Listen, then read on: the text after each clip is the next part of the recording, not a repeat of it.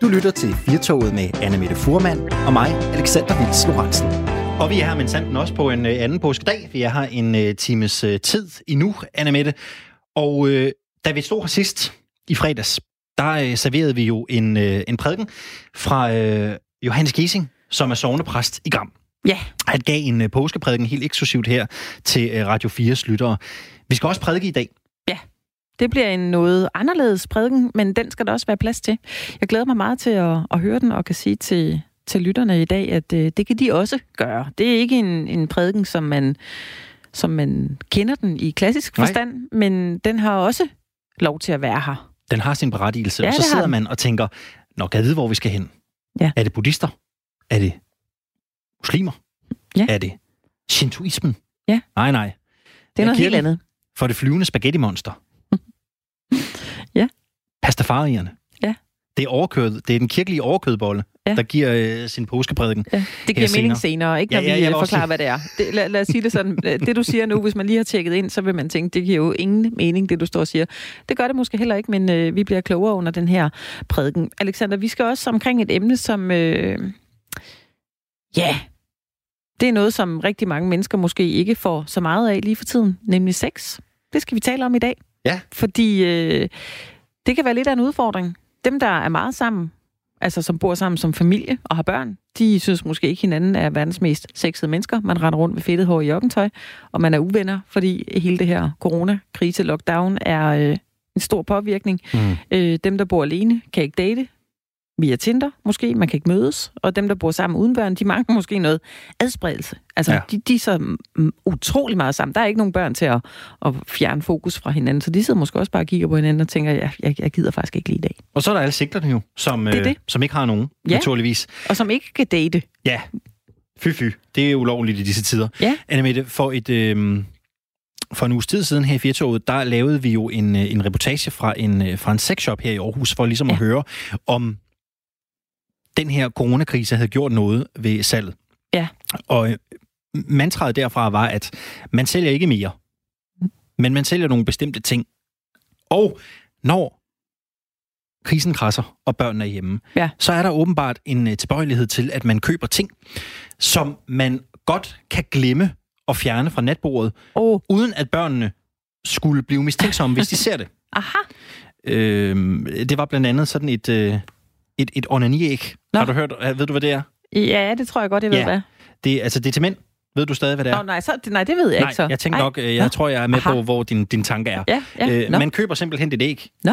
så åbner man ægget, og inde i Nå. ægget er der et sleeve, det er en lomme, Nå. og, og det, øh, lo, den lomme har så øh, en form, og der kan man så Ja. tilfredsstille okay, sig på, med. på den Ja, måde. og, og det kan man jo netop ligge på øh, bordet. Ja. Man kan glemme det et sted. Ja. Og hvis børnene finder det, vil de, øh, vil de jo ikke være mistænksomme. Nej. Fordi det kan være hvad som helst. Det er en god idé. Jeg, Det kan være et minutur. Ja. jeg læste også en, øh, en artikel omkring det her pornosite, der hedder Pornhub, som øh, de fleste kender. Da der var lockdown i Italien, der var italienere jo dem, der, der, der bongede helt ud på, altså på målinger, hvem der, hvem der Mhm. mm-hmm. ser det mest, hvem brugerne er. Jeg ved ikke, hvordan det ser ud i, i disse dage, hvor, øh, hvor mange lande er i, øh, i lockdown, men, øh, men de har sikkert kronede dage, kunne jeg forestille mig lige for tiden. Ja. Men sex er jo også sundt. Det er vigtigt at huske på. Det Ja. frigiver endorfiner. Der er nogle hormoner, vi har, som øh, har godt af at have sex. Og der er der jo mange, øh, specielt dem, der, som så ikke har en partner. Jamen, hvad skal de gøre? Ja, det skal vi vende senere Ja. her i Firtoget. Man kan jo, Selvom det er anden påskedag. Man kan jo faktisk, øh, nu nævnte du Pornhub for et øjeblik siden, der er jo, øh, der er jo gratis premium medlemskab i de her tider, fordi verden er under lockdown. Så øh, der kan man jo, har jeg hørt, gå ind. Men hvad får man for det så? Altså, Du får, hvad, hvad, øh, hvad, hvor meget mere er det, man får for, for det? Du får, Hvad får man adgang hørt, til? igen, har jeg hørt naturligvis, Ja. du får jo øh, nogle videoer i, i HD, Men der er jo, meget Nå, god kvalitet. Aha, der er jo tonsvis af videoer. Altså, skal man have mere? Altså, er det virkelig... Ja, altså, så meget forskelligt. Altså, jeg, nu, lad os nu bare være ærlige. Altså, jeg, jeg synes da ikke, der er meget ved at sidde og se en video, der er grynet eller Nej. i dårlig kvalitet. det er rigtigt. Så hvis man lige kan opgradere til lidt HD, så, så skal man da ikke, Men er skal man det, da ikke der være nære. er det det eneste, man får? Altså bedre bill- billedkvalitet? Mm, Er det, er det flere længden på videoer, eller hvad du ved? Jamen, det, Der er jo ja, simpelthen så meget at vælge imellem. Altså, jamen, altså, det, det, prøv at høre. Det, det, Ved du hvad, altså det svarer til, at man har øh, H&M's almindelige kollektion, ikke? og så har man H&M og Balmain eller et eller andet Nå, andet lækkert. Det, det er præcis det samme. Yes. Du får bare bedre kvalitet. Sådan. Øh, det er sådan nok det bedste billede, Ja. øh, man kan give på det. Det er et godt billede. Øh, ja. Det vil fange mig. Ja, det har man jo det altid det, jeg lyst til. Og de der kollektioner Ja. ja. sælger jo som... Jeg ved ikke hvad, når Ja. de øh, teamer op med en, en kendt designer. Så vil alle have det Altså, der. det er sådan lidt, man går, for, du går ind i en almindelig butik, ikke? og så ser du stangvarerne, og de ligger lidt krøllet sammen, og det er lidt kedeligt, og der kan godt være, der er noget, hvis man graver ned gennem bunken. Ja. Men inden for enden af butikken, Ja. der ser det bare lidt flottere ud. Det, Ja. er, lidt, det er som om det hele er lidt mere lækkert. Ja. Det er det bedste Og billede, det har vi brug for lige nu, i det hele taget, synes jeg, i, i disse lockdown-tider. Der er jo ikke øh, meget fis og ballade nogen steder. Folk er også ved at gå lidt agurk, for forhåbentlig så er der mange, der kan holde øh, fri i dag, anden påskedag, og nyde en snaps, og en god sillemad, og en god øl. Oh, ja. Tage sig en lur og, og slappe lidt af i, øh, i de her dage, og lige komme lidt væk. Altså selvom Mm. dagene er fuldstændig ens nærmest, eller føles ens i hvert fald, så, øh, så håber jeg virkelig, at dem, der holder påskeferie, hvor end I er, jer der lytter med lige nu, øh, får mulighed lige for at, at sætte sig og, og lade som om, at det er en helt almindelig påskeferie. Og de fleste sidder jo nok derhjemme. Ja, Fordi det de. skal man jo Ja. i de her tider. Det og, det. og det, der er lidt interessant også, Anne Mette, det er jo, at påsken er jo normalt en tid, en, en højtid i Danmark, som skiller sig meget ud fra alle andre. Mm. Fordi alt normalt er lukket. det er det så under alle omstændigheder nu. Ja. Så der er ikke nogen forandring. Nej, Storcentrene er lukket. det. Frisørerne er og vi lukket. kan ikke gå i kirke heller, vel? Altså, det Nej, er jo også en, Det en, en højtid, hvor, hvor rigtig mange bruger kirken. Det kan også være, at der er mange øh, mennesker, som, som ikke bruger kirken så meget, som vælger en, en påskegudstjeneste øh, et sted i landet. Det er også lukket ned. Det kan vi heller ikke. Så skal vi se det online. Altså, der er ikke meget Ja. sjov ved det. Det Nej, kræver men- lige en ekstra snaps i disse dage, vil jeg sige. Ja, det, øh, det gør jo også noget, at man ikke har mulighed for at komme op og få en, en slurk af aldervinen, ikke? Jo. Det er der jo også en, en, en, en vis charme ved. Ja, ja, det er det. Det er det. Men øh, det er rigtigt, kirken har jo i den grad været tvunget til at, øh, at, at finde på nye måder at komme ud med sit budskab på ja. i de her tider. Ligesom alle andre jo også har. Altså, jeg tror ikke... Altså, der må være stof nok til et hav af medievidenskabs, kommunikations-PHD'er om online-underholdning og øh, virtuelle koncerter og hvad ved jeg. Altså, der må, Ja. være nogle, øh, di, der må være noget digital kommunikativ forskning, der virkelig har gode kår efter coronakrisen, tænker jeg. Ja, det tror jeg da også. Jeg, jeg glæder mig selv til at se, hvad der øh, kommer ud, altså hvad, hvilke informationer folk får samlet op, og hvad der, øh, hvad der også hænger ved efter, efter den her tid, når vi engang kommer ud. Mm. Øh, hvad er det, der bliver, bliver ved med at hitte? Hvad er det, får vi anderledes vaner?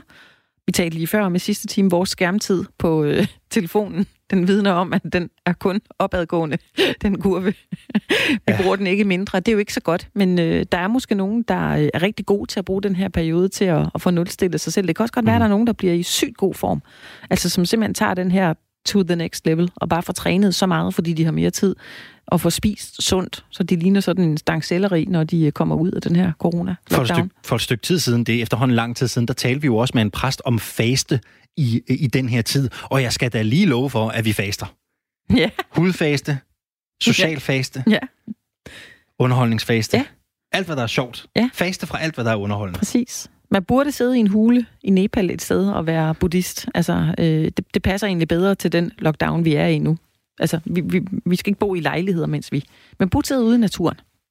Ja, det tror jeg I egentlig. sind. Ja, det Fordi- kunne være et godt bud. Ja, det kan vi ikke, men vi står i en, en slags hule herinde i studiet så hver dag. Anne Mette, hvis man nu sidder derude og spiser påskefrokost øh, lige nu, så kan det jo være, at man eksempelvis spiser øh, sild fra Christiansø. Det kan være. Men det er ikke nødvendigvis sikkert, at sildene kommer derfra, eller er blevet bearbejdet der. Nej. Og hvad må man så egentlig kalde dem? Har du nogensinde tænkt over det? Altså det der med at, at deklarere produkter? Øh, nej, jeg har nogle gange tænkt, at øh, det kunne ikke rigtig passe, fordi hvis det virkelig skulle komme derfra, hvordan kunne det så lade sig gøre? Men øh, nej, det er ikke noget, jeg tænker voldsomt over. Jeg er også til falds for at købe ting, hvis jeg har en flot etiket. Så kan jeg bilde mig ind, at, at hvis den etiket er flot, jamen, så må den sild jo simpelthen være meget mere økologisk og, Ja. og bæredygtig og smage meget bedre end alt muligt andet. Altså, det, sådan er jeg. Jeg, jeg er meget nem at narre. Det er ligesom, hvis bunden på vinflasken er tilpas dyb, så køber du også den, eller er du aldrig hoppet med på Nej, den? den er jeg ikke kommet med på. Jeg hørte for lang tid siden, det er noget værre fis. Men, øh, men jeg er til. Jeg kan godt lide at gå i Irma af samme grund, fordi jeg synes, deres produkter, altså emballagen er utrolig flot på mange af deres produkter. Så føler jeg mig, som om jeg har et lidt bedre liv, når det står hjemme på hylderne. Rigtig verdensmand. Kvinde. Ja, præcis. Det er sådan lidt en levemand. Man har en, en lækker pasta fra Desego. Ser flot ud i den der pakke der. Ja, Så Anne Mette, vi skal blive lidt klogere på det her, fordi diskussionerne blusser jo op fra tid til anden om, hvad man egentlig må kalde et produkt. Mm. Hvornår kan en rødbede være for Samsø? Ja. Det er sådan en god forbrug, godt øh, forbrugerindslag, vi ja. laver i dag, hvor vi skal vide, køber du egentlig altid det, du tror, du køber? Det skal vi blive, det skal vi blive klogere på om lidt, andet med det. Og så lad os lige øh, slå fast igen øh, til nye lyttere af programmet her, at hvis man, øh, hvis man sidder derude og lytter med, og måske undrer sig over, at ens sms ikke bliver læst op, hvis man ikke kan forstå, hvorfor telefonen den ikke bliver taget, så er det fordi, at øh, den her udgave af Firtoget, den er forproduceret. Vi øh, har jo i dag anden påskedag, det er mandag, mm. men i virkeligheden, så er det onsdagen inden anden påskedag, vi ja. står her i øh, studiet. Ikke desto mindre, så bliver det et, øh, et ganske fornøjeligt program. Det, det håber det. vi. Rigtig hjertelig velkommen indenfor til øh, sidste time her af Firtoget med Anne Mette Furman og Alexander Vils Storensen. Og nu skal vi faktisk starte øh, med øh, de her øh, famøse deklarationer, Anne Mette. Fordi på øh, Bornholm, der er øh, fabrikaten Snaps Bornholm kommet i uføre, fordi de har lanceret en håndsprit med titlen Håndsprit Bornholm. Men den organisation, der hedder Gourmet Bornholm, de mener ikke, at man kan kalde håndspritten Bornholmsk, da virksomhedens CVR-nummer og dermed interesserne er på den anden side af vandet. Og det fik os jo til at tænke på her på redaktionen, at det jo selvfølgelig ikke skal handle om håndsprit, men det der med, hvornår kan man egentlig sige, at et produkt, en råvare, kommer et bestemt sted fra? Hvad er reglerne egentlig? For det kan jo være svært at finde rundt i, når man står derude i supermarkedet og kigger sig lidt omkring. Nu kan vi sige øh, velkommen til dig, Camilla Utsen. Ja, tak. Du er Ph.D. og seniorrådgiver i øh, fødevarepolitik ved Forbrugerrådet Tænk. Yep. Nu skal det ikke handle om snaps og håndsprit, men det skal handle om fødevarer. Vi tager udgangspunkt i debatten om fødevarer, for det er jo også ligesom der, at der er mest på spil. Og jeg kan jo starte med at stille dig et, et rimelig bredt spørgsmål, og så kan vi jo komme ind på eksempler herfra. Men hvis jeg nu starter med at spørge dig, hvornår må man egentlig sige, at den røde bede kommer fra Samsø? Øh, ja, altså, øh, det, det, kan, det kan man jo egentlig svare på på flere måder, fordi hvis, øh, hvis, du, hvis du direkte siger, at denne her rødbede kommer fra Samsø, så, så må du kun gøre det, hvis den rent faktisk er dyrket på, på Samsø, øh, for du må ikke lyve. Øh, men, men det, der jo så også er i det, det er jo, at det, det kunne godt være, at den her rødbede er blevet syltet på Samsø, øh, og måske er dyrket et andet sted. Det kan også være, at den bare er... Øh, øh, produceret på en, en, øh, en, øh, en, øh, altså på en, en virksomhed, som, som så hedder noget, der minder om Samsø. Ikke? Så, så der er sådan en kæmpe gråzone omkring det her. Øh, at, at hvis du har en... Altså det, det findes der jo en, en Samsø syltefabrik, som, som laver rødbeder, og de, de bruger jo så... Øh, øh, typiske rødbeder, der ikke er derfra. Øh, og det, øh, de må godt skrive, at det er produceret på Samsø, og de må også godt kalde det Samsø øh, Syltefabrik, øh, selvom Samsø øh, rødbederne ikke er fra, fra Samsø. Det lyder jo, øh, det kan lyde en lille smule svært, øh, Camilla Utsen, for sådan den enkelte forbruger at afkode i virkeligheden. Jamen, det er det også, og det er jo fordi, det er jo, øh, altså, altså det, det, det, er jo, det er jo kompliceret. Det er noget, altså, det, der er sådan set en del regler om det, men, men det er meget svært at lave helt præcise regler på det, så, så der er en kæmpe gråzone, øh, fordi du altid kan diskutere øh, tingene frem og tilbage, men det har også noget at gøre med, at når vi handler, så handler vi jo også øh, på det ubevidste, og, og vi har jo heller ikke så meget tid til at læse alle deklarationerne. Så, så, vi, så vi handler på det øh, indtryk, som, øh, som, som varen giver os og på, på tegningen, på, på, på titlen. Vi står ikke altid og læser det, der står med småt på bagsiden, hvor der måske rent faktisk står sandheden, at rødbøden eller eller rabarbaren, eller, eller hvad det nu er, er dyrket et andet sted. Camilla, øh, du sidder jo og arbejder rigtig meget med det her, og du ved meget og har mange erfaringer på det her område. Kan du ikke prøve at komme med nogle eksempler, hvor, øh, hvor, øh, hvor de her twists, hvor de her spørgsmål om, hvor en vare egentlig kommer fra, har, øh, har genereret lidt, øh, lidt, lidt debat og lidt arbejde endnu hos jer? Jamen, altså, altså der, er jo, der er jo helt klart nogen, der, der går igen, hvor du har nogle, øh, nogle lokale øh, øh, øh på virksomheder. Nogle gange er de jo startet som sådan nogle meget små og meget lokale, som virkelig kun brugte egne råvarer. Øh, og nu er det jo, altså, det Samsø var et eksempel, ikke? men dem har du flere af, også på Bornholm. Du har Bornholms Mosteri, du har øh, i, altså på, på, øh, på, øh, på, på Lolland Falster har du flere æbleproducenter, hvor man også diskuterer det her rigtig meget, fordi der har du en kæmpe æbleproduktion, og der er rigtig mange lokale æbler. Så er der også nogle producenter, der begynder at bruge tyske æbler til deres most og så bruger de måske stadigvæk deres, deres navn øh, øh, og brand, Guldborgsund Æbler, til at producere en most, men sådan så baseret på nogle importerede æbler. Øh, og det kan godt være, at de skriver det på, på flasken, øh, og de egentlig overholder lovgivningen, og ikke siger noget, der er løgn, men der vil alligevel være mange, der, der bliver narret af det. Øh. Ja, jeg tænker sådan, nu, nu har jeg selv boet på Bornholm i en periode, og, øh, og, man kan købe noget, der hedder Christiansø Pigens Sild. Ja. Men når man er på Christiansø, så, så ligner det ikke, at, at der ja. er et sted, hvor man fabrikerer sild. Har Nej, det er nemlig det. Altså, øh, Christiansø Pigens Sild, der er vist ovenikøbet endda to versioner tror jeg. Og, den, den, det store brand, som man ser i supermarkedet, de er, de er faktisk produceret i Jylland et sted. Øh, så det er jo meget langt væk. Øh, men, men den origin, det, det, det, jeg, så vidt jeg ved, så den, den originale lille Christian Tøg Pintil har aldrig været fra Christiansø. Det er faktisk, det er faktisk fra Bornholm. Så det, så det er jo også det, der igen gør det tricky, at, øh, at, øh, at man måske også vælger øh, sit, sit brain ud for, for, for, for nogle bestemte associationer, og så Ja, så sker der jo også nogle gange det, at, at, at, at de små virksomheder bliver opkøbt af andre, og så i starten bliver det, så fastholder de måske en produktion ude i det lokale sted, men så på et eller andet tidspunkt, så flytter de det et andet sted hen til en større produktion, og så vil de jo gerne, vil virksomhederne gerne bevare det brand, som, som forbrugerne kender. Og så er det, det begynder at blive lidt bøvlet. Øh, og, øh, og, og i virkeligheden, altså der, hvor du er inde i, i den her gråzone, øh, og reglerne er sådan, øh, altså når, når vi taler om, om, øh, om som varenavnet, så er der faktisk desværre sådan relativt meget elastik for, for producenterne i forhold til, at de godt kan bevare noget, der refererer til, til en geografi, der måske ikke helt stemmer overens. Men det her er vel også sådan et område, hvor der er mange øh, interesser på spil. Nu nævnte jeg det her eksempel, det er så håndsprit på, på Bornholm tidligere. Mm. Men hvis man prøver at tage øh, Bornholm, Samsø eller, eller andre steder i Danmark, hvor øh, der er mange råvarer, hvor mange værner om deres brand. Altså, der, der er vel også mange interne kampe om, hvad må man egentlig kalde et bestemt produkt, netop fordi der er mange, der, der vil gå rigtig, rigtig langt for, for at, at beskytte originaliteten i, øh, i et brand. Ja. Jo, og det er jo det, der sker, ikke? Fordi man kan sige sådan et lokalsamfund, øh, altså mange vil jo rigtig gerne støtte de der helt små producenter og have den der virkelig øh, autentiske vare, som, som er 100% lokal. Og det, det er jo sådan, mange forbrugere også vil svare, hvis, hvis man spørger dem.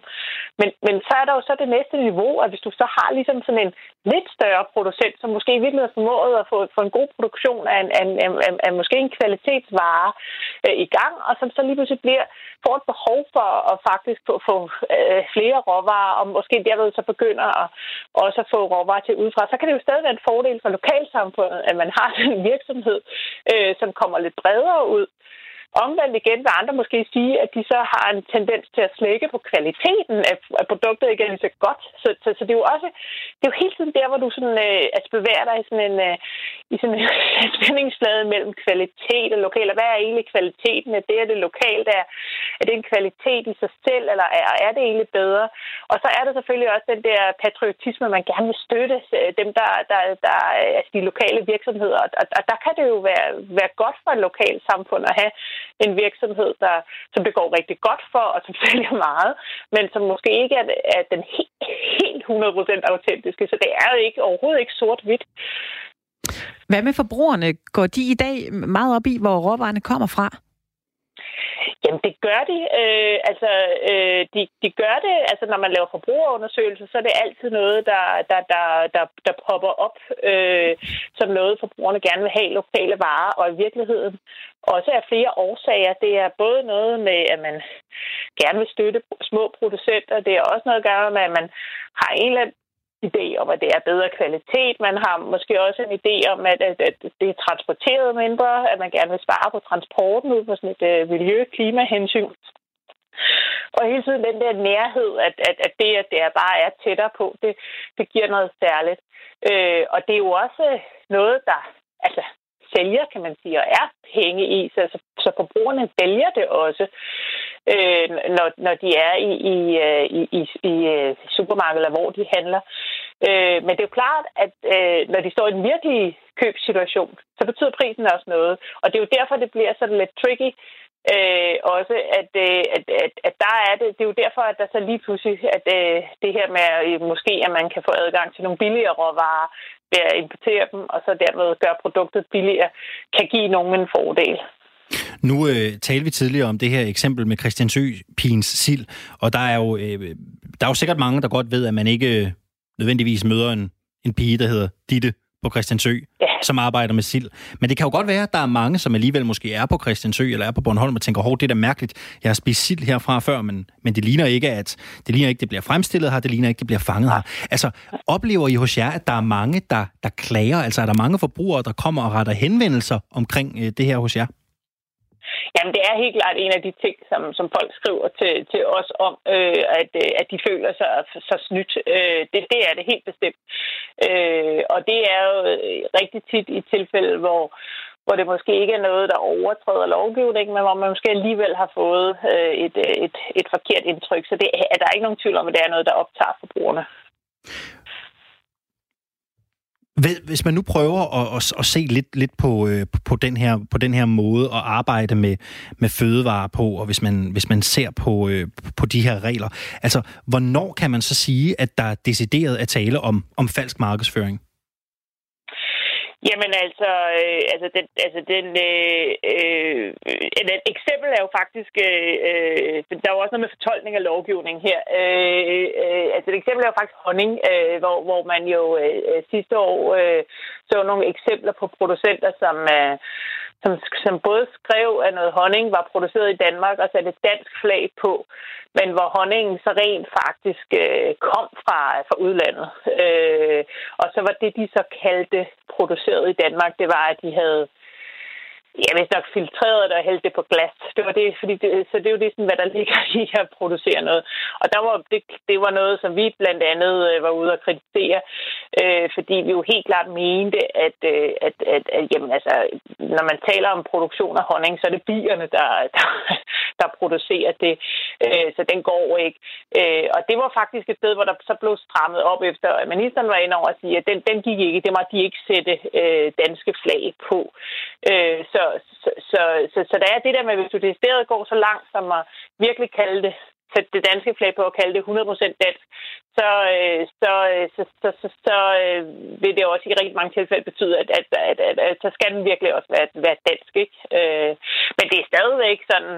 Øh, ja, der er stadigvæk en, øh, en gråzone. Du må, og, og så er der også det der med, at, at du også ligesom skal fordi der, der er faktisk lige kommet nye regler her 1. april omkring det der med, man kalder, man kalder det den primære ingrediens, forstået på den måde, at hvis det for eksempel er rødbede med de syltede rødbeder, øh, eller honning, altså hvis det er sådan en eller anden øh, produkt, som, som primært er en ingrediens, så, så må man, øh, så skal man skrive, hvor den kom, hvor, hvor, hvor rødbeden kommer fra, hvis man også, hvis man også skriver, at, øh, at produktet er produceret i Danmark.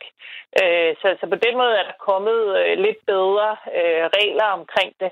Øh, så, øh, altså, men, men så er det jo igen det der med, at en ting er, at de skriver det på parken øh, med småt. Altså, øh, det, det, det, det er jo det, de skal ifølge lovgivningen, men det er jo ikke det samme som, at forbrugeren rent faktisk læser det og opdager det, når man handler.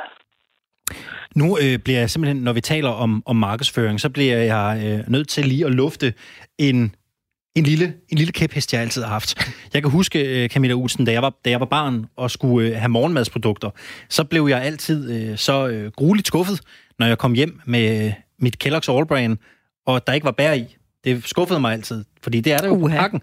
At den, den her myte, den her, øh, den her pakke, den famøse morgenmadspakke, er der stadigvæk folk, der, øh, der skriver til jer også om det og siger, hov, hvor er min bær henne i mit morgenmadsprodukt?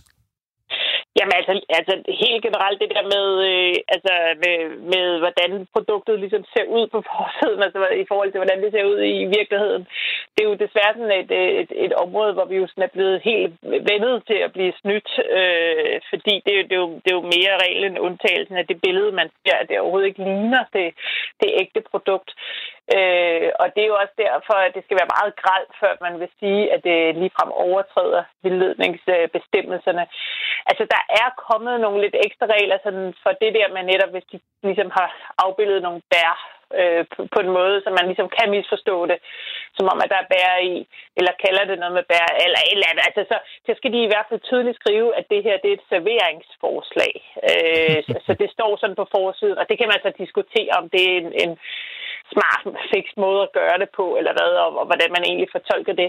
Øh, men så på den måde er det sådan, måske øh, strammet en enelse op i forhold til, øh, til, til, til din barndom, men, øh, men jeg tror, øh, altså, jeg tror, at hovedreglen er jo stadigvæk, og hovedtendensen er, at, øh, at, at det ser meget anderledes ud øh, i parken, end det gør ude på, på forsiden.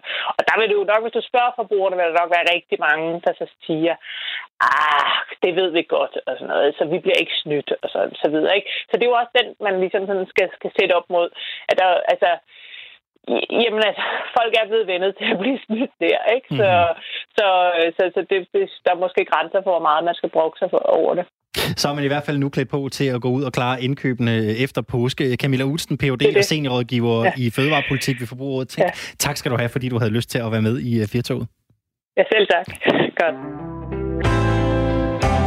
Radio 4 taler med Danmark. Alexander, er det sådan stadigvæk, at man bliver, at man bliver lidt øh, snydt, når man er ude og købe de her morgenmadsprodukter? Jeg har ikke sådan så frygtelig meget erfaring Nej. med det. Hvordan synes du, øh, at de her produkter egentlig lever op til det, der er på pakken så? Ja, men altså nu, nu vil jeg sige, nu har jeg jo efterhånden lært at leve med, at jeg nok skal kigge langt efter min, øh, efter min bær. Øh, dengang var jeg nok heller ikke så vidende vel. Altså man kan jo regne ud, at hvis man lægger friske bær ned i en pakke morgenmadsprodukter, øh, ja. så skal de i hvert fald være godt tørret ikke, og kunne holde jo, længe. Men det. Men, men det er jo interessant det her, ikke? fordi mm. jeg synes heller ikke, altid den burger, man køber nede på grillen, ligner den, der er på udstillingsbilledet, vel? Nej. Det er ikke altid det samme, vel? Tomaten, den er bare lidt mere rød og lidt mere frisk ja. på, det, på det der billede, så ja. det, det, der, det kan jo være svært at navigere i, men man skal jo nok huske, at, øh, at alting ser bedre ud på billeder, ikke? Jo, man kan redigere. Det. det. må man, det må man, det må man aldrig glemme, tænker jeg. Nu skal vi lige skifte øh, emne mad og sex, det hænger jo nogle gange sammen. Det, det er i hvert fald en, øh, en ja. nydelse. Nogle, øh, nogle forener det. Ja. Nogle spiser en god middag, så er det sex. Lige for tiden der er der måske ikke så øh, frygtelig meget af det. Det er jo øh, naturligt, det er også sundt, og i øh, de her sider, der kan det være, at det står, står lidt øh, sløjt til i de danske hjem. Øh, singler, der måske er vant til at, at date gennem øh, dating-appen Tinder, de kan ikke mødes på grund af coronakrisen. Forældre med hjemmeskoling af børn og et fuldtidsarbejde, der skal passes, eller, eller par, der lever sammen uden børn, som, som måske godt kunne bruge lidt, lidt adspredelse. Det, det er ikke sådan den bedste cocktail i forhold til at få, få afløb for nogle øh, måske frustrationer gennem et hvad skal vi bare sige, et godt knald. Det kan man måske ikke så meget, og dem, der har mulighed for det, de gider måske ikke lige nu, mm. øh, hvor man nærmest er sammen 24 timer i døgnet, hvis man er en familie. Øh, men måske skulle man øh, tvinge sig selv til det, fordi sex det er jo godt for rigtig mange ting. Lige nu har vi seksolog Katrine Berling med på telefonen. Velkommen til Firtoget. tak. Katrine, kan du ikke lige starte med at, øh, at forklare, hvorfor er det sex, det er sundt? Jamen, øh, sex er jo sundt, fordi det giver os en dejlig følelse i kroppen. Øhm, så kan man også sige, at når mere sex vi har, vel at mærke, hvis det er, at vi formår at nyde den sex, vi har, så giver det os også en lyst til at have mere sex ofte. Øhm, og så giver det os jo også en kontakt med den person, vi er sammen med. Det vil sige, at vi føler os mere forbundet, og nogle blandt er også forelskede i hinanden. Så det skaber en masse gode ting for os. Mm. Og hvorfor er det, det er godt for det mentale helbred? Fordi der er der jo øh, mange danskere og folk verden over, som er, er udfordret lige nu. Mm. Ja, altså man kan jo sige, at, at der er aldrig nogensinde nogen regler, der er, virker for os alle sammen. Så det er jo klart, at for at du kan få øh, fordelene af at have sex, jamen, så bliver du også nødt til at nyde sex. Det vil sige, du kan altså ikke ligge og have sex og kigge op i loftet og håbe på, at det snart er overstået, og så vælte alle de her gode hormoner ind over dig. Så der bliver nødt til at være en tilstedeværelse og en nydelse i, at det der ligesom sker. Men når vi formår at være til stede i det seksuelle og nyde det seksuelle, jamen så bliver vi jo blandt andet overstrømmet af hormonet oxytocin, der er det her øh, hormon, der gør, at, øh, at vi bliver glade. Der er også nogen, der kalder det for et forelskelseshormon, og det gør simpelthen, at vi får en velvære i kroppen. Samtidig så giver det os også en forbindelse til den partner, vi nu engang er sammen med. Det vil sige, at vi føler os mere forbundet sammen med ham eller hende, og vi får sådan en, en connection til, til ham eller hende. Mm. I de her tider, hvor gryder og pander jo godt kan flyve gennem køkkenet, og øh, frustrationerne vokser store, når, når folk de er sammen i rigtig mange timer, så kan der vel også være noget rart i det der med, øh, hvis bølgerne er gået lidt højt, lige at få trække til soveværelset og få et, et ordentligt skrald og få alle aggressionerne mm. ud? Det kunne det være, og det vil det være for nogen, og det vil det ikke være for alle. Det, der er interessant, det er, at vi har alle sammen sex af forskellige årsager. Der er forskellige grunde til, at vi i virkeligheden har sex. Så for nogle mennesker, så virker make-up sex fantastisk. Det her med, at vi har haft et, øh, et kæmpe skænderi, øh, der har været nogle ting, der netop har været krydderne har fløjet rundt, og så går vi ind, og så har vi vildt passioneret sex på grund af, at vi lige har haft det her skænderi, og så bliver vi forbundet igennem i det seksuelle. Men det vil bestemt ikke virke for alle, for nogen har ikke mulighed for at gå ind i det seksuelle rum, hvis det er, der har været et skænderi. De har simpelthen brug for det modsatte. De har brug for måske trygheden for at kunne gå ind. De har brug for, at, at der har været en eller anden form for connection for, at de kunne, kan åbne op til det seksuelle. Så det vil være meget individuelt fra par til par, øh, hvordan det er, vi connecter i det seksuelle.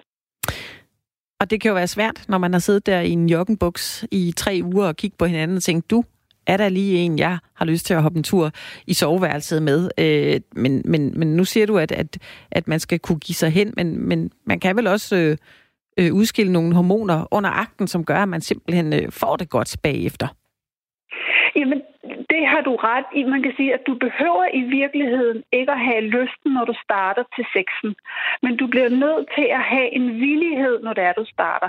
Hvis villigheden ikke er der, så er det ikke rart at have sex. Og det vil det ikke være for nogen, fordi så ligger du der og tænker, okay, det her er ikke snart overstået.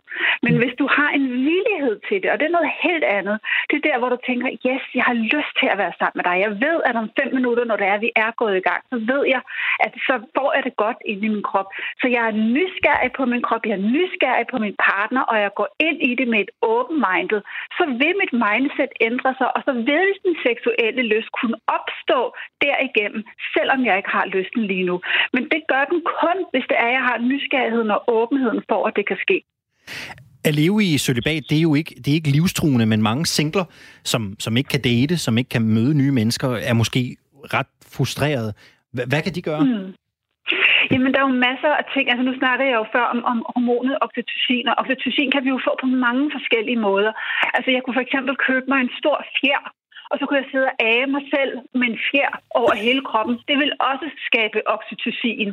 Eller jeg kunne, øhm, øh, man kan sige, orgasme øh, det giver dopamin, og det gør det ligegyldigt, om jeg er alene eller om jeg er sammen med en partner. Selvfølgelig er der noget, der er forskelligt alt efter, om jeg er sammen med min partner eller jeg er sammen alene.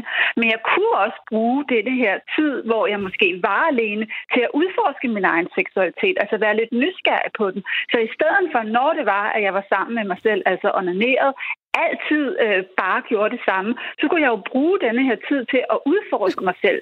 Det kunne være, at hvis det var, at jeg var kvinde, og jeg for eksempel altid ned på den samme måde, ved for eksempel altid at bruge min klitoris, så kunne jeg måske blive nysgerrig på mit G-punkt og sige, hey, der er nogen, der siger noget om det her G-punkt. Skulle jeg ikke lige udforske det og se, hvordan det er?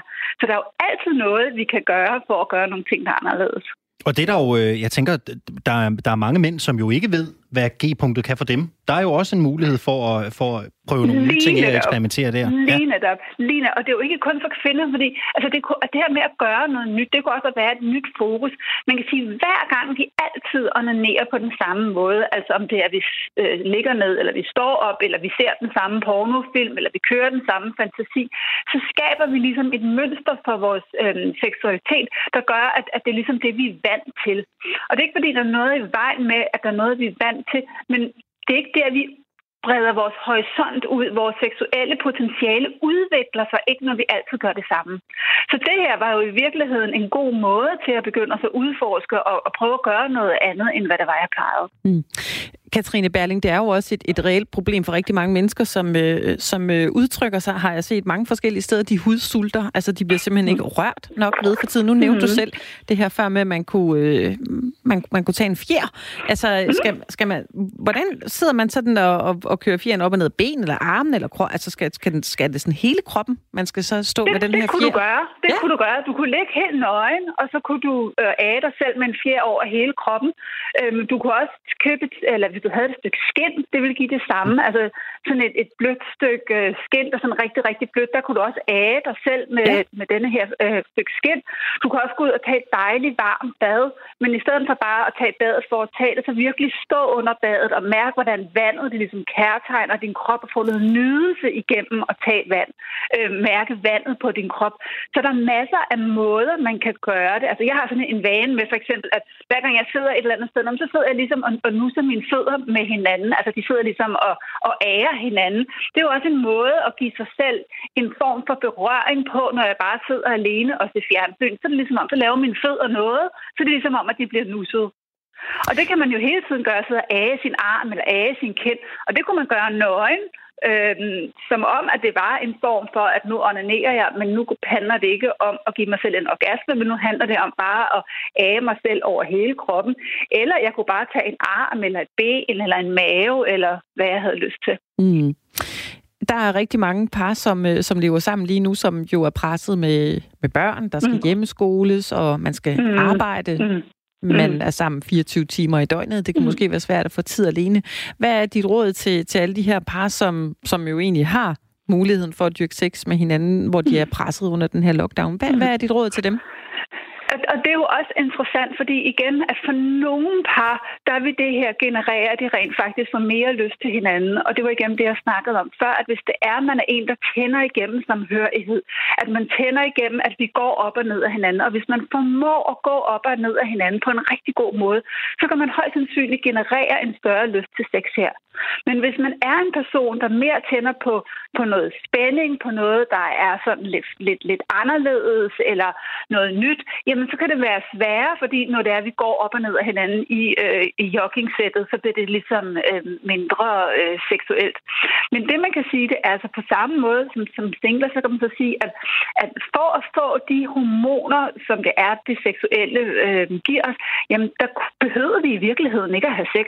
Vi kan sørge for at give hinanden knus, vi kan sørge for at holde om hinanden, vi kan sørge for at, at give hinanden en massage, eller så igen, det er jo berøringen, der skaber oxytocin, og det kan vi sagtens give hinanden, uden vi behøver at have det seksuelle. Så man kan sige, hvis man er et sted, hvor man ikke føler, at man har mulighed for at have sex lige nu, jamen så knus, kys, kærtegn, i stedet for at sidde i hver sin ende af sofaen, sidde sammen i sofaen, det vil også generere alle de her feel-good-hormoner. Og ellers så kan man jo, altså nu, øh, vi er jo øh, på arbejde øh, hver dag herinde, så vi er jo almindeligt øh, klædt på, og, og det mm-hmm. ligner stadigvæk hverdag, men der er jo ikke nogen, der siger, at man ikke godt derhjemme, i stedet for at trække i, i joggingbukserne om søndagen, måske kan hoppe i en hofteholder og et par selvsiddende strømper, eller, eller et eller andet. Det kan man jo også gøre, selvom man skal sidde derhjemme. Selvfølgelig, selvfølgelig. Og det kan man jo sige, det er måske et, et, også en af de ting, som der er udfordringen, altså corona eller ikke corona, det er jo det her med, at ofte så bliver vores øh, forhold en eller anden form for vane, og så har vi et eller andet med, at vi altid gør det et eller andet ens hele tiden. Hvor det, man kan sige, at coronaen gør det som om, at, at der er nogle knapper, der bliver skruet på, så der er noget, der bliver mere tydeligt gjort. Så det, der måske var en lille smule før, det bliver måske bare lidt mere nu, fordi nu bliver der lige skruet på nogle knapper her. Hvordan tror du, vi kommer til at agere efter coronaen? Altså, øh, tror du, vi kommer til at se øh, singler, der øh, tager på dates, og måske er lidt mere øh, flamboyante, kan man sige. Tror du, vi, tror du der, der blusser en gnist op efter den her lidt tørre periode? Det er jo svært at sige. Øhm, jeg tror helt klart igen, at det er der nogen, der vil, men jeg tror måske også, at der er nogen, der, der at, hvor, at den her frygt, som mange af os går med nu, at den vil nok sidde i nogen i hvert fald et lidt stykke øh, tid, indtil det ligesom har, har lagt sig igen. Så det kan være svært at sige. Vi håber på det bedste. Katrine Berling, ja. tusind tak, fordi ja. du var med her i Firtoget. Selv tak. Hej, hej. Selv tak. Hej. Fantastisk, Anne Mette. Ja. Det er jo altid godt med, med lidt inspiration. Det der var det. ting her, jeg ikke havde overvejet. Fjeren, eksempelvis. Ja, altså der er jo altså rigtig mange mennesker, vil jeg lige sige, der, der simpelthen sidder og, og har det skidt med øh, ikke at blive rørt. Det er, jo, det er jo reelt nok. Jeg synes faktisk, det var en meget god idé med en lille fjer. Ja. Få en fjer på. Man kunne tage et glas øl og lige sidde aser med sådan en fjer, så man ikke er fuldstændig øh, hudsultet. Ja. Hud udsultet, måske, når man kommer ud af den her lockdown. Prøv at høre, det kan jo godt være, at man... Øh, det kan godt være, at man har svært ved at, at forestille sig, hvad sådan en fjer den kan. Ja. Men man kan jo ikke afvise det, før man har prøvet det, Nej, tænker jeg. det kan man ikke. Jeg synes, det lød øh, utrolig rart, vil jeg nok sige. Det var gode råd her øh, anden påskedag. Det skal der også være plads til. Øh, jeg tror selv på, nu sagde du selv før, kan vide, hvad der sker, når folk de, øh, kommer ud af den her lockdown. Altså, nu kan vi ikke komme til festivaler, det er blevet taget fra os. Vi kan ikke gå i teateret, vi kan ikke få vores kulturliv. Øh, vi kan ikke sådan blive stimuleret på den front. Så øh, jeg tror altså på, at vi, øh, vi oplever et boom på, øh, på alle parametre, når vi kommer ud af Mm. det her. Det kan være, at oven på den her øh, coronasituation, at nogen har fået en ansigtsmaske-fetish. ja, det Man kan ved godt det være. Annemette, nu øh, bevæger vi os over i det lidt mere lødige hjørne. Ja. Vi skal over i, øh, over i, det, øh, over i det religiøse hjørne. Mm. Fordi øh, vi, havde jo en, øh, vi havde jo en prædiken, da vi sendte sammen med fredags. Mhm. Øh, Johannes Gesing, som er sovnepræst i Gram, han leverede en særlig påskeprædiken øh, på godt gammel lav sønderjysk Yes. til øh, vores lyttere her i, i hele Danmark. I dag der skal vi også have en prædiken. Det bliver i en, det bliver en lidt anden form. Det kan vi vist, øh, vist roligt sige. Nu kan vi sige øh, velkommen til, øh, til Jakob Kraup. Ohøj. Oh, høj, Jakob. Du er, jo, øh, du er jo ikke øh, præst i et sovn på den måde. Du er jo øh, du er kirkelig overkødbolle i kirken for det flyvende spaghetti-monster.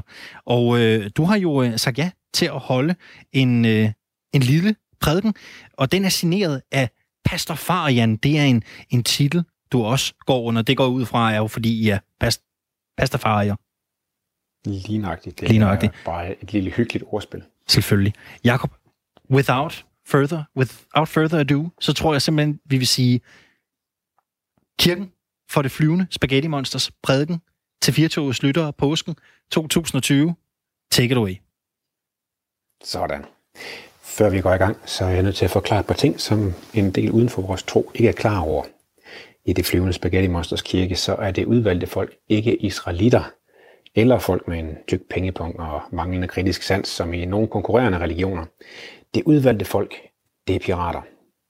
Vel at mærke de søde pirater, som rejste rundt og delte slik ud i gamle dage, og som vi mindes med den efterhånden internationale højtid, Halloween.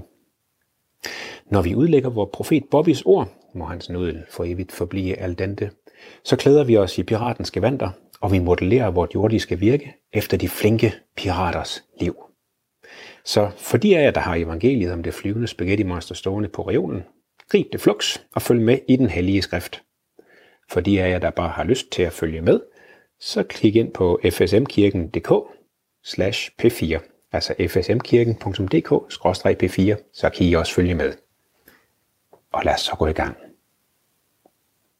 Kære pirater, i dag samles vi ikke fysisk, men i ånden, på tværs af kongeriget. Vi er symbolsk forbundet af lyslederkabler, som en manifestation af det flyvende spaghetti monsters arme, der forbinder vores liv og vores skæbner. Pirater, hvor religion er ikke som de andres. Vi har ikke en stærk Gud, som vi kan vende os mod for trøst og vejledning i svære tider. Som vi kan læse i skabelsesberetningen i evangeliet side 111, så slap vor nødeligheds kræfter op på skabelsens femte dag. Derfor er vor helligdag netop fredag. Det betyder, at vi pirater må nøjes med en anden rangs Gud, og vi kan ikke have tillid til effekten af bøn. Nej, når livet byder på stormvejr og høj søgang, må vi søge mod spørgsmålene, i stedet for at lede efter svar i gamle religiøse skrifter eller hos usynlige væsener. Vores Gud, det flyvende spaghetti monster, er ingen støtte, og der slet ikke i globale kriser. Men den støtte, vi ikke kan få fra vores Gud, kan vi til gengæld selv give hinanden. For vi er det flyvende spaghetti monsters forlængede tentakler. Vi er vores nydelige skabers fysiske manifestation. Det er os, der kan række ud, holde om, holde af eller holde afstand, alt efter hvad det er, situationen kræver. Pirater. Når karantænen er forbi og pandemien æbber ud, så har vi stadig en stor udfordring. Global opvarmning. Som evangeliets hellige grafer, evangeliet på side 55, klart åbenbarer for os, så er de globale temperaturer stigning uløseligt og videnskabeligt, for dem der går op i den slags pjat, forbundet med en tilsvarende nedgang i antallet af pirater på verdensplan. Så løsningen er blot at skaffe flere pirater og være ambassadører for piratisk empati, skepsis og humor. Så vores medmennesker ser lyset og, slår, og slutter trop bag den sande tvivlsretning, pastafarianismen. Derved vil flere støtte op om kernen i den pastafarianske religion, at være for alt, hvad der er godt, og imod alt, hvad der ikke er godt. Derved vil vores nationale handleplan i alle situationer også være simpel at følge. Så hermed en opfordring til såvel besætningsmedlemmer som befalingsmænd i vores lille rød-hvide jolle Danmark. Lad os handle som ægte pirater, uanset tro, køn, alder og etnicitet. Her kommer dagens tekstlæsning. Dagens tekst indeholder både lidt historisk om vores tro og en helt fantastisk aktivitet til børnefamilierne, der er fanget i de små hjem. Jeg læser fra evangeliet om det flyvende spaghetti monster side 174. Paske er en religiøs højtid, der svarer til den jødiske Pesach, såvel som den kristne påske. I denne tid opmuntres pastafarianere over hele verden til at spise store mængder pasta, som regel spaghetti, der koges i hans billede af familiemedlemmer i piratkostyme. Pasten fejrer den tid, hvor det flyvende spaghetti-monster først begyndte at berøre folk med sit nudelagtige vedhæng. Mange historier om denne store begivenhed er blevet overleveret gennem århundreder, og det er interessant, at de alle er forskellige. Nogle er nærmest uforståelige. Uanset hvilken version af historien man vælger, tager alle rettroende del i pastaen og udfører ritualet, der hedder Giv øjenklappen videre hvor alle ved bordet skiftes til at tage en øjenklap på og fortælle, hvorfor han eller hun er taknemmelig for at have følt hans berøring. Her ender tekstlæsningen. Opfordringen er hermed givet videre til familierne ude i de små hjem, uanset om I allerede er omvendt til piratens tro, pastafarianismen, eller I blot vil forøge jeres livskvalitet ved at mindes de ting, I er taknemmelige for i en svær tid. Lad os slutte med at læse vidensbekendelsen sammen, i er velkommen til at rejse jer, eller sidde, eller ligge fordrukne på dækket, som I plejer. Vi er trods alt 100% udogmatiske. Vidensbekendelsen. Hans nødelighed give mig at leve et liv, hvor jeg ikke optræder skinhellig, ikke bruger min tro til at undertrykke andre, ikke dømmer andre, ikke handler stødende over for min partner eller mig selv, ikke udfordrer snæversyn eller hadsk adfærd på tom mave. Ikke bruger jordisk rigdom på at hylde overjordiske væsener. Ikke foregiver at kende hans nydeligheds vilje. Ikke behandler mine medmennesker, som jeg gerne vil behandles, men som de gerne vil behandles. Og hver dag gør mit bedste for at maksimere alle sansende væseners velbefindende. Amen. Tak til de af jer, der har lyttet med i dag. Tak for jeres tid, jeres indlevelse og, så frem den er blevet vagt, ikke mindst jeres skepsis. Pas på hinanden. Ramen.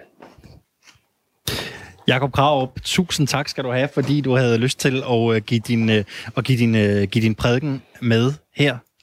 Mange tak. Velbekomme. Og det var altså Annemette Jakob, Jakob Krav her, som er kirkelig overgødbolle i kirken for det flyvende spaghetti-monster. Ja. Og øh, lad du mærke til, at der blev jo ikke sagt amen, men ramen. Lige præcis. Hvis man, øh, hvis man lytter med, og man sidder og tænker, hvad, hvad, hvad var nu det, så er det ikke nok. Altså, der er, hvad sagde han, der har været omkring, hvad, 100.000 øh, medlemmer øh, af den her trosretning. Mm. Øh, mm. Så øh, der er altså kommet mange mennesker, som, øh, som mødes. Der er også, det er ikke kun i Danmark. Folk er, er sluttet til det her.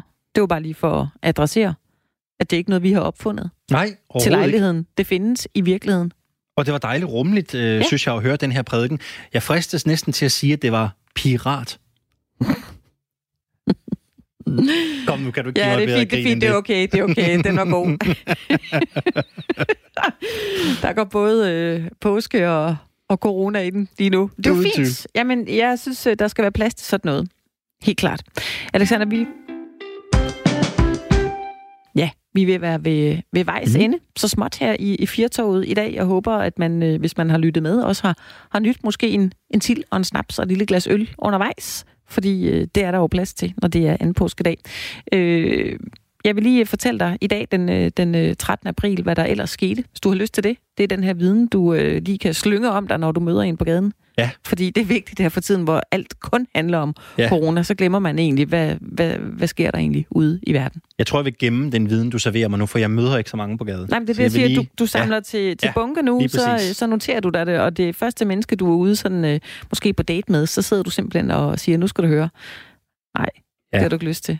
Jo, jo, jeg vil Nå, altid gerne øse ud af ja, min det er godt, viden. Det er godt. Det vil jeg gerne. Så, så kan du sige, når man, øh, du kender Beatles, og så siger vedkommende, ja, det gør jeg godt. Nå, så kan du sige, vidste du, at den 13. april 1962, der gik et øh, dengang ukendt engelsk rockband på scenen. The Beatles, de optrådte, optrådte første gang i den øh, nyåbnede Star Club i Hamburg. Uh, Vabbehar. Ja. Hvem havde troet, at de øh, skulle have den succes, de fik? Det var da helt vildt. hvis der stadigvæk sidder nogen derude, der har været med til den koncert, så må man Ja. tænke tilbage på det og sige, det her, det var da godt nok skud til noget, der blev ganske, ganske fantastisk. Ja, det er jo det, man ikke øh, ved noget som helst om. I 1938, Mhm. mm-hmm. i dag den 13. april, der fik Danmark for første gang en ferielov. Åh oh, ja. Ja. Det er jo noget, der har genereret debat øh, sidenhen. Det må man sige. er jo også noget, der er aktuelt at tale om i, i de her tider, ikke? Ja, Med præcis. feriepenge, og jeg skal komme efter dig. Ja. Det, øh, det, er i hvert fald et, øh, det er i hvert fald et indgreb, som, øh, som, som vi altid kan tale om. Der har du dit samtaleemne. Når du skal på date Ja. ja. næste gang, så kan, du, øh, så kan du lige svinge den over. Jeg ved ikke, om det er noget, man har lyst til at tale om. Om ferielov, det er da ikke utænkeligt. Det kunne da godt være. Nej. Vil du falde for den? Ja, det kunne godt være, hvis det var en, der var en, en god taler. Ja. Så kunne det godt være, at man bliver grebet. Du ved, når folk er grebet af et emne og er meget passioneret omkring det, så kan man selv blive øh, øh, revet så meget med, fordi vedkommende er så vild med at tale om det, at det bliver interessant. Det kunne være, hvis Katja Dalberg, som vi talte med tidligere Ja. på dagen, Præcis. hun kunne sikkert er sælge den der ferielov ganske spændende. Jeg kunne Præcis. ikke forestille mig andet. En, der øh, har fået fødselsdagsbord i dag, det er øh, Ulrik Wilbæk, Oh, Landstræner. Ja. håndboldkvinderne. Siger? Borgmester. Yes, Ja, præcis. Han har nok nyt en lille fødselsdagsbord her til morgen. Han har nemlig fødselsdag i dag. tillykke til ham. Ja. Og vi håber, det går godt. Vi kan spille et lille stykke musik for Ulrik Vilbæk, og også for dig, der lytter med her til Firtoget, fordi det er jo øh, en af de ting, vi gør hver dag. Vi spiller noget musik, lige for at komme, øh, komme lidt væk fra den her lockdown, vi er i. Ja, og lad os da hive fat i øh, et dansk stykke musik. Ja. Anne Mette, skal vi ikke prøve at se, om vi kan få gang i kvadronen her? Jo. Og Favorite Star. Told me there was no rules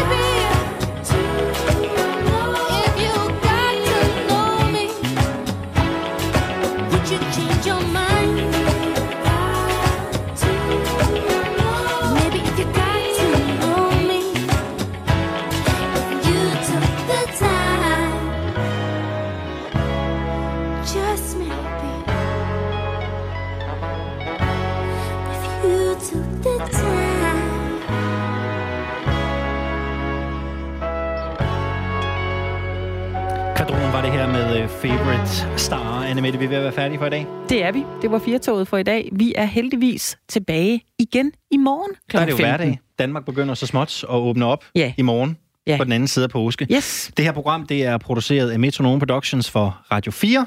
Nu er det blevet tid til et øh, nyhedsoverblik. Hej hej herfra, og øh, på genhør.